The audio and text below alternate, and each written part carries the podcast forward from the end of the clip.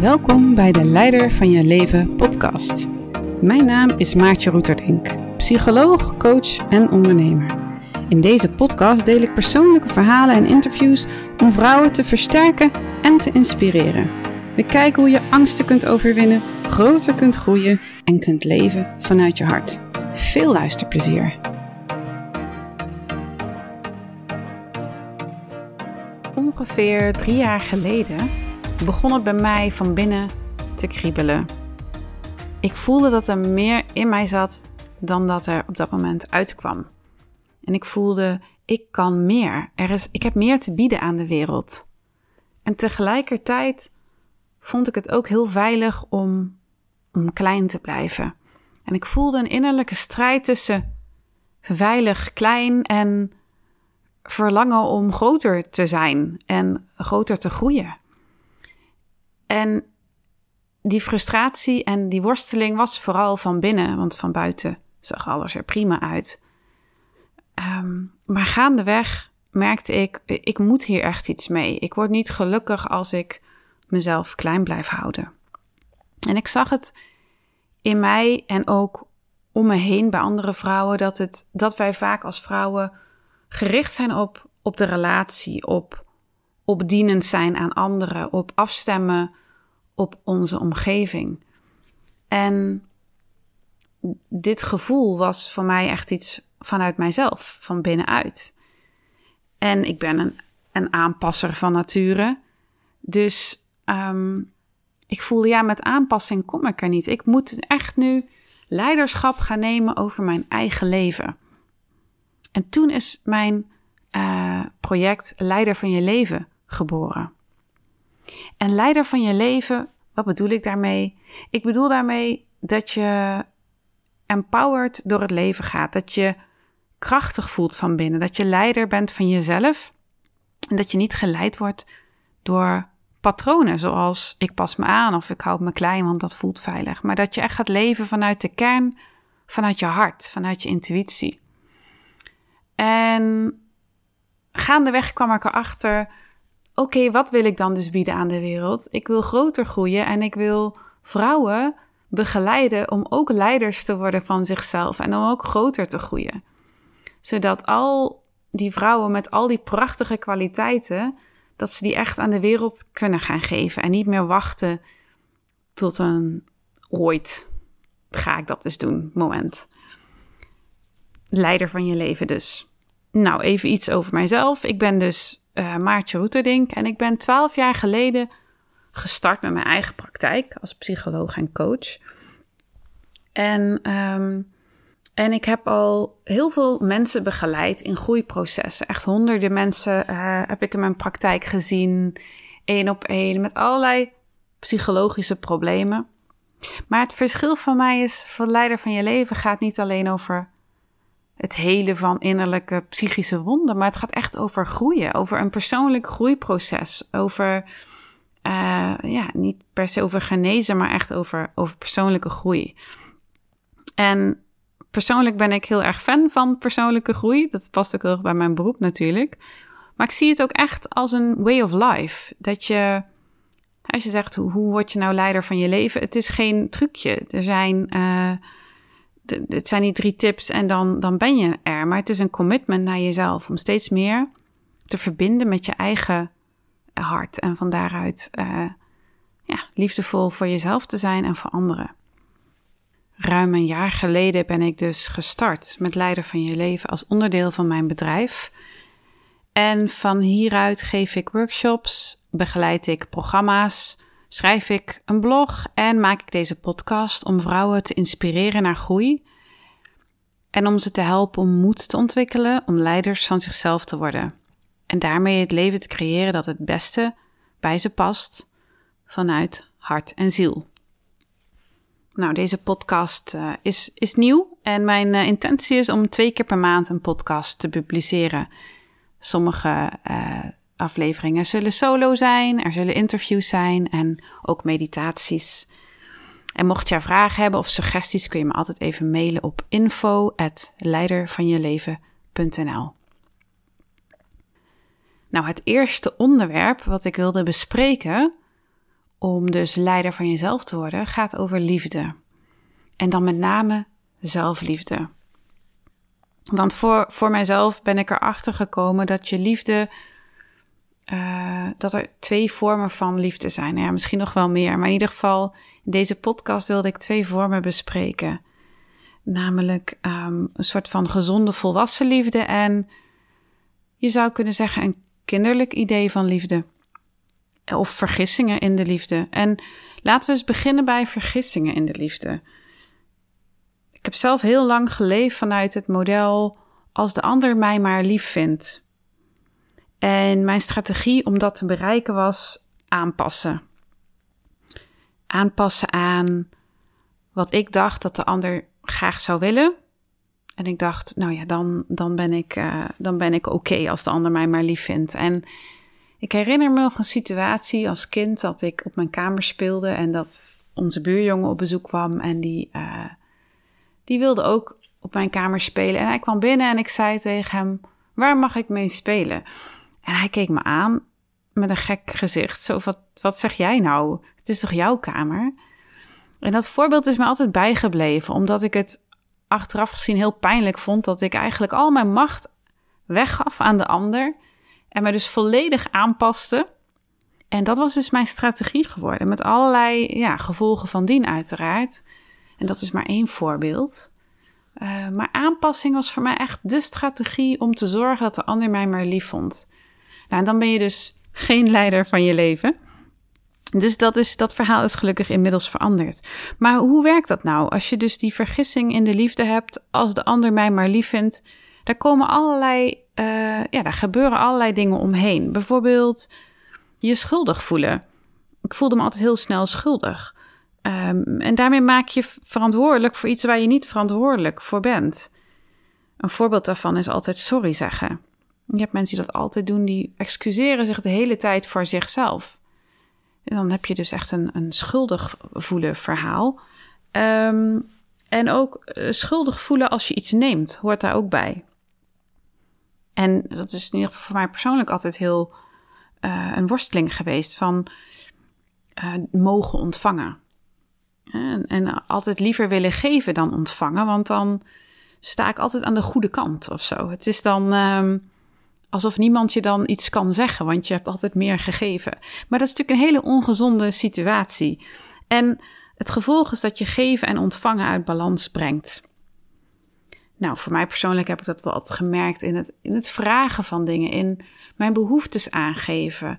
Ook in, concreet in mijn werk, als ik, zodra ik dan facturen ging maken, kwam er een soort schuldgevoel omhoog. Alsof ontvangen altijd omgeven was met, met ongemak.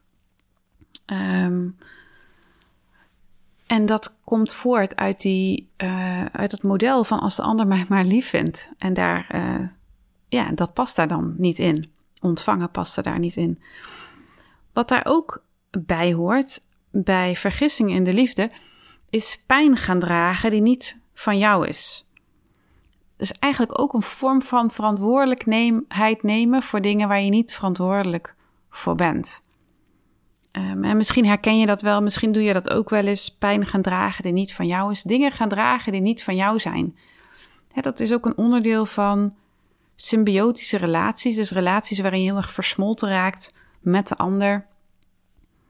En um, ik herinner mij nog goed toen ik een jaar of twaalf was. Toen hadden we zo'n vuif op de, op de lagere school, op de basisschool. Groep 8 was dat. En toen hadden we een dans en er was eens een jongen in de klas en die lag niet zo lekker. Die was niet populair. Hij had overgewicht. Hij kwam uit Joegoslavië. En ik, ik voelde me al aankomen. Niemand gaat met deze jongen dansen. En ik vond dat een heel pijnlijk iets om te zien. Dus wat deed ik? Ik ging met die jongen dansen. En ik werd daar onbeloond. Dus de leraren vonden het allemaal heel mooi en zo. kreeg daar opmerkingen over. Maar achteraf dacht ik, ja, wat ben ik eigenlijk gaan doen? Ik voelde de pijn voor een mogelijke afwijzing en ik wilde dat oplossen. Ik wilde daarin springen. Ik wilde die pijn voorkomen. Maar daarmee uh, maakte ik me ook verantwoordelijk voor iets dat niet, niet van mij was. En, um, en dat hangt ook samen met dat model als de ander mij maar lief vindt. Want uiteindelijk kun je de pijn van anderen niet, niet oplossen en niet, niet weghalen. Kun je alleen maar verantwoordelijkheid nemen voor jezelf. Uh, maar goed, ik werd heel vaak onbeloond. Dus het is best lastig om iets los te laten waar je heel vaak voor wordt beloond. En ik denk dat dat heel veel geldt voor mensen die pleasend zijn ingesteld. Dat please gedrag best wel vaak wordt beloond. En dan, ja, kijk, als je verslaafd bent aan alcohol, word je daar niet zo snel voor beloond. Je omgeving heeft daar last van. Als je verslaafd bent aan pleasen, eh, zijn er mensen in je omgeving die dat ook wel fijn zullen vinden. Dus dan is het echt aan jezelf om daar mee te stoppen. Nou, het, het tegengestelde van, of nou, het tegengestelde niet eens, maar als je het hebt over vergissingen in de liefde, is dat een kinderlijke manier van liefhebben of een, ja, nog niet zo doorrijpt, zeg maar. En je zou kunnen zeggen, wat is nou een gezonde manier van liefde ontwikkelen? Nou, dat gaat in de eerste plaats natuurlijk over zelfliefde. En zelfliefde is essentieel om leider van jezelf te worden. zelfliefde leidt tot eigenwaarde, leidt tot kunnen groeien en kunnen stralen. Dus zelfliefde is heel anders dan, uh, dan dat model als de ander mij maar lief vindt. Bij zelfliefde is primair dat je kunt zeggen, kunt voelen, ik houd van mezelf. En daar staat of valt alles mee. En um, ik houd van mijzelf is um, iets wat van binnenuit begint. Het is een hele andere richting. Het gaat niet van buiten naar, naar binnen, het gaat van binnen naar buiten. En wat heel erg helpt bij ik houd van mijzelf, is gaan luisteren naar je lichaam, wat de meest liefdevolle respons is. Omdat het echt je lichaam is van binnenuit. Als je geneigd bent om heel dienend te zijn en af te stemmen en te pleasen, dan ben je gericht altijd op buiten. Maar eigenliefde ontwikkelen gaat erover dat je richt op binnen. En je lichaam is het meest het binnenste, want daar ben je in. Um, dus als je gaat luisteren naar de signalen van je lichaam, of je een ja voelt, of een nee voelt, of iets blij voelt, of dat iets ja, zwaar voelt of dat je er geen energie bij voelt, dat zijn signalen die iets aan je vertellen. bijvoorbeeld als iemand iets aan je vraagt en je voelt van binnen nee en je lichaam knijpt een beetje samen of je voelt een beetje bedrukt of je voelt er geen energie bij, is dat een signaal. En hoe meer je in contact komt met je lijf, uh, hoe meer je die signalen kunt gaan gebruiken. Maar goed, dat kan natuurlijk heel erg in conflict raken met een bepaald patroon waar jij je prettig eh, bij hebt gevoeld. Dus stel jouw patroon is pleasen en jouw lichaam zegt nee, dat wil ik niet bij een verzoek van iemand, dan kan dat een innerlijk conflict veroorzaken. En dan is het dus heel belangrijk, hoe meer contact je hebt met je lijf, hoe minder je jezelf kunt foppen met dat iets oké is wat het eigenlijk niet is.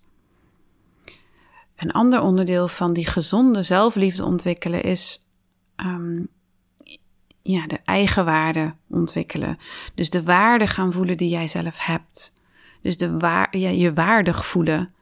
dat kan letterlijk zijn waardig om iets te ontvangen. Um, waardig om genoeg geld te verdienen. En maar ook waardig in de zin van als je, het, als je het gevoel hebt dat iets niet meer klopt voor jou, om dat op tafel te leggen. Of dat je zegt: Ik verdien beter. Het hoeft niet over geld te gaan, maar om een soort um, higher standard, zeg maar, voor jezelf te creëren. En voor mij persoonlijk heeft het ook wel echt te maken met, met financiën. Ik voelde op een gegeven moment echt van wat ik, wat, ik, wat ik bied is meer waard dan wat ik er nu voor vraag. Maar ik vond het heel spannend om dan een hogere prijs te vragen, want mijn innerlijke aanpasser vond dat heel relaxed. Maar ja, het klopte gewoon niet meer. En ik kan je vertellen, het moment dat ik echt mijn prijs op een hoger niveau zette, voelde echt mega bevrijdend voor mij. Want waarom? Ik stapte eindelijk uit dat aanpaspatroon en, en ik, hè, ik matchte met de waarden die ik van binnen was gaan voelen.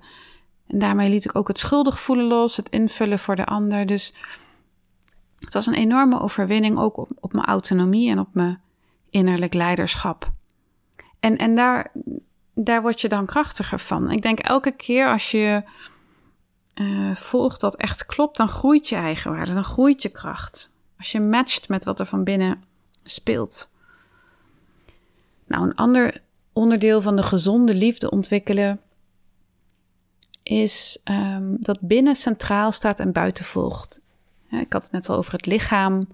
Lichaamssignalen volgen gaat daar ook over. Maar um, binnen belangrijker maken dan buiten is, is cruciaal. En vaak doen we dat helemaal niet. Heel vaak is, is buiten is, wordt belangrijker dan, dan binnen. Ik denk dat onze hele cultuur is gericht op, op buiten en veel minder op binnen. Hoewel er steeds meer aandacht voor is, gelukkig. Um, maar stel, stel dat jou, jouw gevoel zegt van binnen van... Nou, mijn baan, ik ben hier echt niet meer blij mee. Ik moet hier weg. Maar je hangt nog aan. Ja, maar dat kan echt nooit, want dit is veilig en een vast inkomen en ik kan dat niet laten gaan. Dan uh, is dat natuurlijk allerlei begrip voor te hebben. Alleen als je dat maar blijft doen en je blijft je intuïtie negeren, dan, raak je op een gegeven moment gewoon leeg of opgebrand of burn-out. En ik heb het echt gezien bij mensen. Mensen die niet geluisterd hebben naar zichzelf, die echt chronisch ziek zijn geworden. Dus het heeft nogal wat consequenties als binnen niet wordt gehoord. Um, nou, bijvoorbeeld een ander voorbeeld van buiten, hè, buiten wordt vaak belangrijker gevonden dan binnen, is bijvoorbeeld bij pleasen. Van de relatie met de ander wordt dan belangrijker gemaakt de relatie met jezelf. Dus je zou kunnen zeggen, de horizontale relatie wordt belangrijker gemaakt dan de verticale relatie. En, en, en dan uh, ja, raak je dus jezelf kwijt maar heel vaak, eh, um, hoe moet je dat zeggen? Projecteren we ook heel veel op de buitenwereld. Van als ik maar die superbaan heb, of als ik maar die superpartner heb, of dat mooie lijf, of die, dat prachtige huis. En dan ga ik me goed voelen. En dan zal ik gelukkig zijn. En, en dan zal ik kunnen ontspannen. Maar ja, dat is gewoon echt een misvatting. Want uiteindelijk is je innerlijke staat, neem je elke dag met je mee. Dus die innerlijke staat is uiteindelijk die bepaalt hoe je je voelt. En je kunt je natuurlijk afvragen waarom, waarom doen we dit? Waarom wordt binnen vaak vergeten en buiten belangrijker gemaakt? Um, de boeddhisten die zeggen dat we de wereld verkeerd ervaren. Dus dat we ervaren dat iets van buiten ons plezier geeft of, of ongemak geeft maar dat we niet in staat zijn om te zien dat dit werkelijk binnenin ons gebeurt. Dus, um, weet je, dus een, een, mug zoomt in je oor en dan word je heel erg opgefokt of geïrriteerd van. En denk je, ja, die, is die mug maar doodmap, dan is het wel voorbij. Maar, maar eigenlijk is het gewoon je eigen ja, ongemak, je eigen ongeduld, die wordt uh, geraakt op dat moment. En maar zo zien we de wereld niet. We zien het van nee, het komt door dat externe en we zien niet dat het komt door het interne. Dus als je werkelijk gaat leren dat, jou, dat jij je innerlijke staat van zijn kunt beheersen, dan gaat er een wereld voor je open. dan hoor je die mug zoomen en, en je hoeft je niet te irriteren. Je kan gewoon peaceful blijven. Of je kind gaat heel erg gillen en, en je, oké, je voelt dat wel, maar je bent in staat om je rust te bewaren en van daaruit te reageren. Of iemand wijst je af en jij betrekt het niet op jezelf. Ja, dat is echt inner mastery. Dan maak je vrij van van die dingen die om je heen gebeuren. En ben je van binnen vrij. En dat is echt fantastisch. Daarmee is binnen belangrijker dan buiten.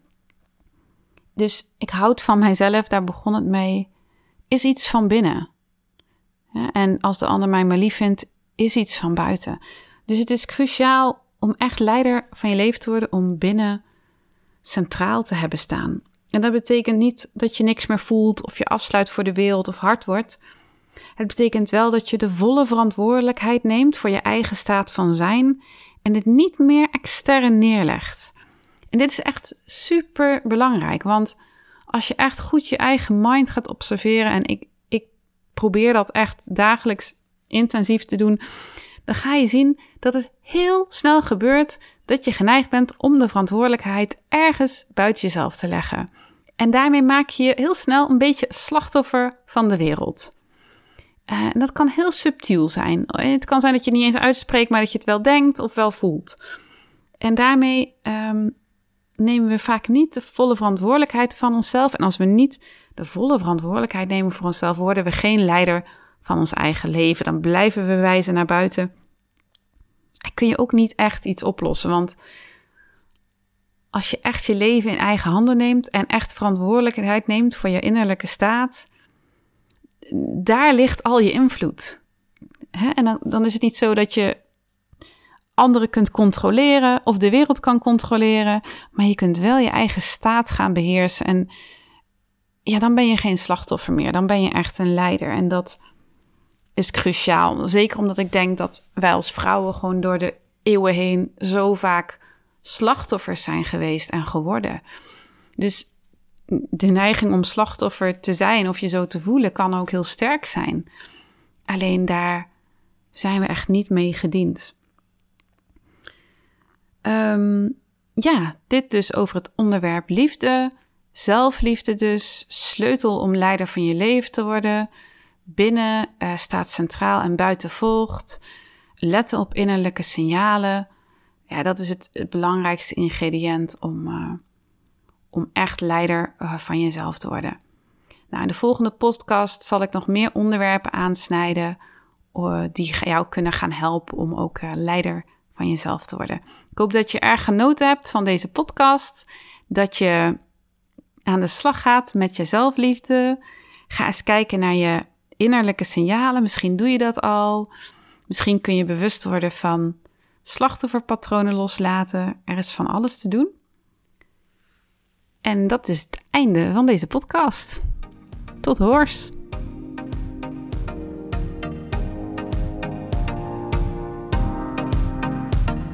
Heel erg bedankt voor het luisteren. Wil jij meer weten? Op www.leidervanjeleven.nl kun je eenvoudig mijn e-book downloaden. Scroll onderaan de pagina en vul je gegevens in.